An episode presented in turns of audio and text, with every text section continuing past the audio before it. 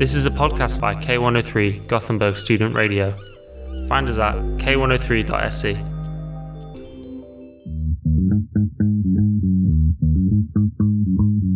Det onormala normala med Mia Svensson.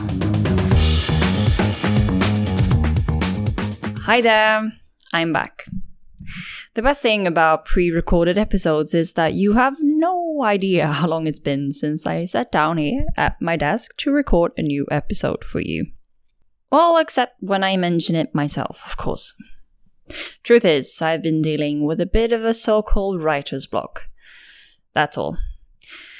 I'm not gonna say anything else because no one really cares about when creative people can't be creative or maybe people just don't care about creative people at all. Or maybe people just don't care about people. Anyway, I just feel like I needed to vent a bit. Apologize for my absence without actually saying, I'm sorry.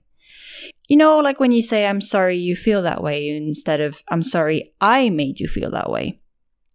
Anyway, should we get back to the topic I haven't even introduced yet?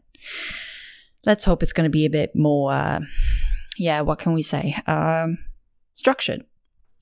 I've actually talked about this in a previous episode lying. You know, the one where I lied to my boss saying that I went to the US for a year. Apparently, the workplace has been a common stage for my fibs, so let's start right there for this episode as well. A bit of a disclaimer though I do not recommend you try this at home. Or if you do, it's really 100% at your own risk. You have to deal with the consequences. I feel like I need to say that I've been mostly pretty lucky. Or maybe it's a skill. Regardless, lying is bad.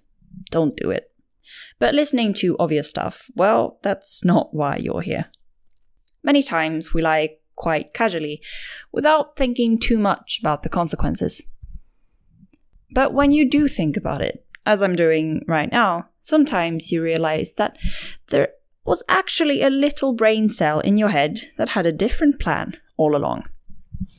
Like when I worked in a store a few years ago, and uh, my colleague complained about the staff being terrible at arranging the dates of the produce in the correct order. For those of you who feel a bit confused, it's basically a system that I guess all stores go after just to make sure that they sell the, all the things first and then the new stuff.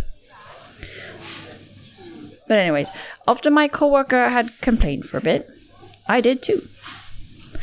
I feel like people need to add a lot of unnecessary stuff when they lie, and I'm not an exception.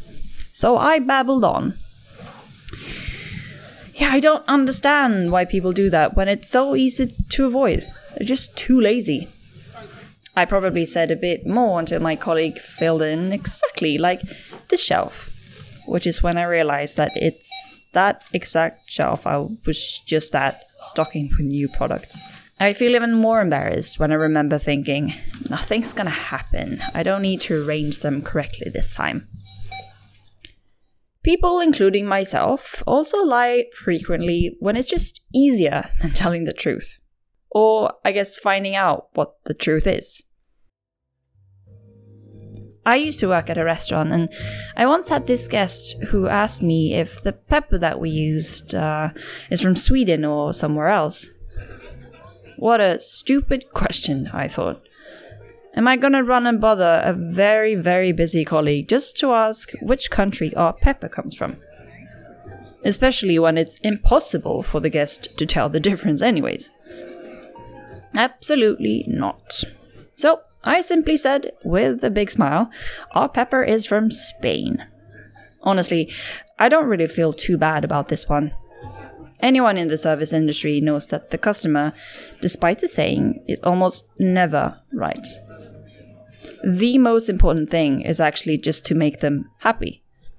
So, if my fake knowledge of Spanish pepper varieties leads to an extra good review on TripAdvisor, well, this might just happen again.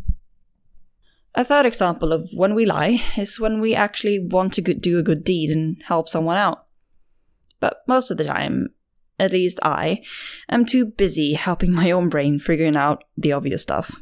So instead of saying, no, I'm sorry, I don't know, to the stranger asking me for directions, I want to seem kind and smart and funny and pretty and yeah, I just want to help them out. In Swedish, we call this example a killgissning. You know, when you say something like you know it by heart, but you actually have no idea what you're talking about. I still see strangers I've misguided wandering around in the cold. From one thing to another. The day I'm recording this, it's Christmas Eve. I won't even start talking about the lies that fly around during this time of year. I can confidently say I'm not the only one lying about how much I love the ugliest shirt I've ever seen in my life. And also, it's in the complete wrong size. Well, now I just sound like a terrible person. But again, don't pretend you're any better. Anyway, I think it's time to stop here because Christmas deserves its own episode. Take care! Du har lyssnat på Det onormala normala med mig, Mia Svensson. Har du någon fråga eller åsikt?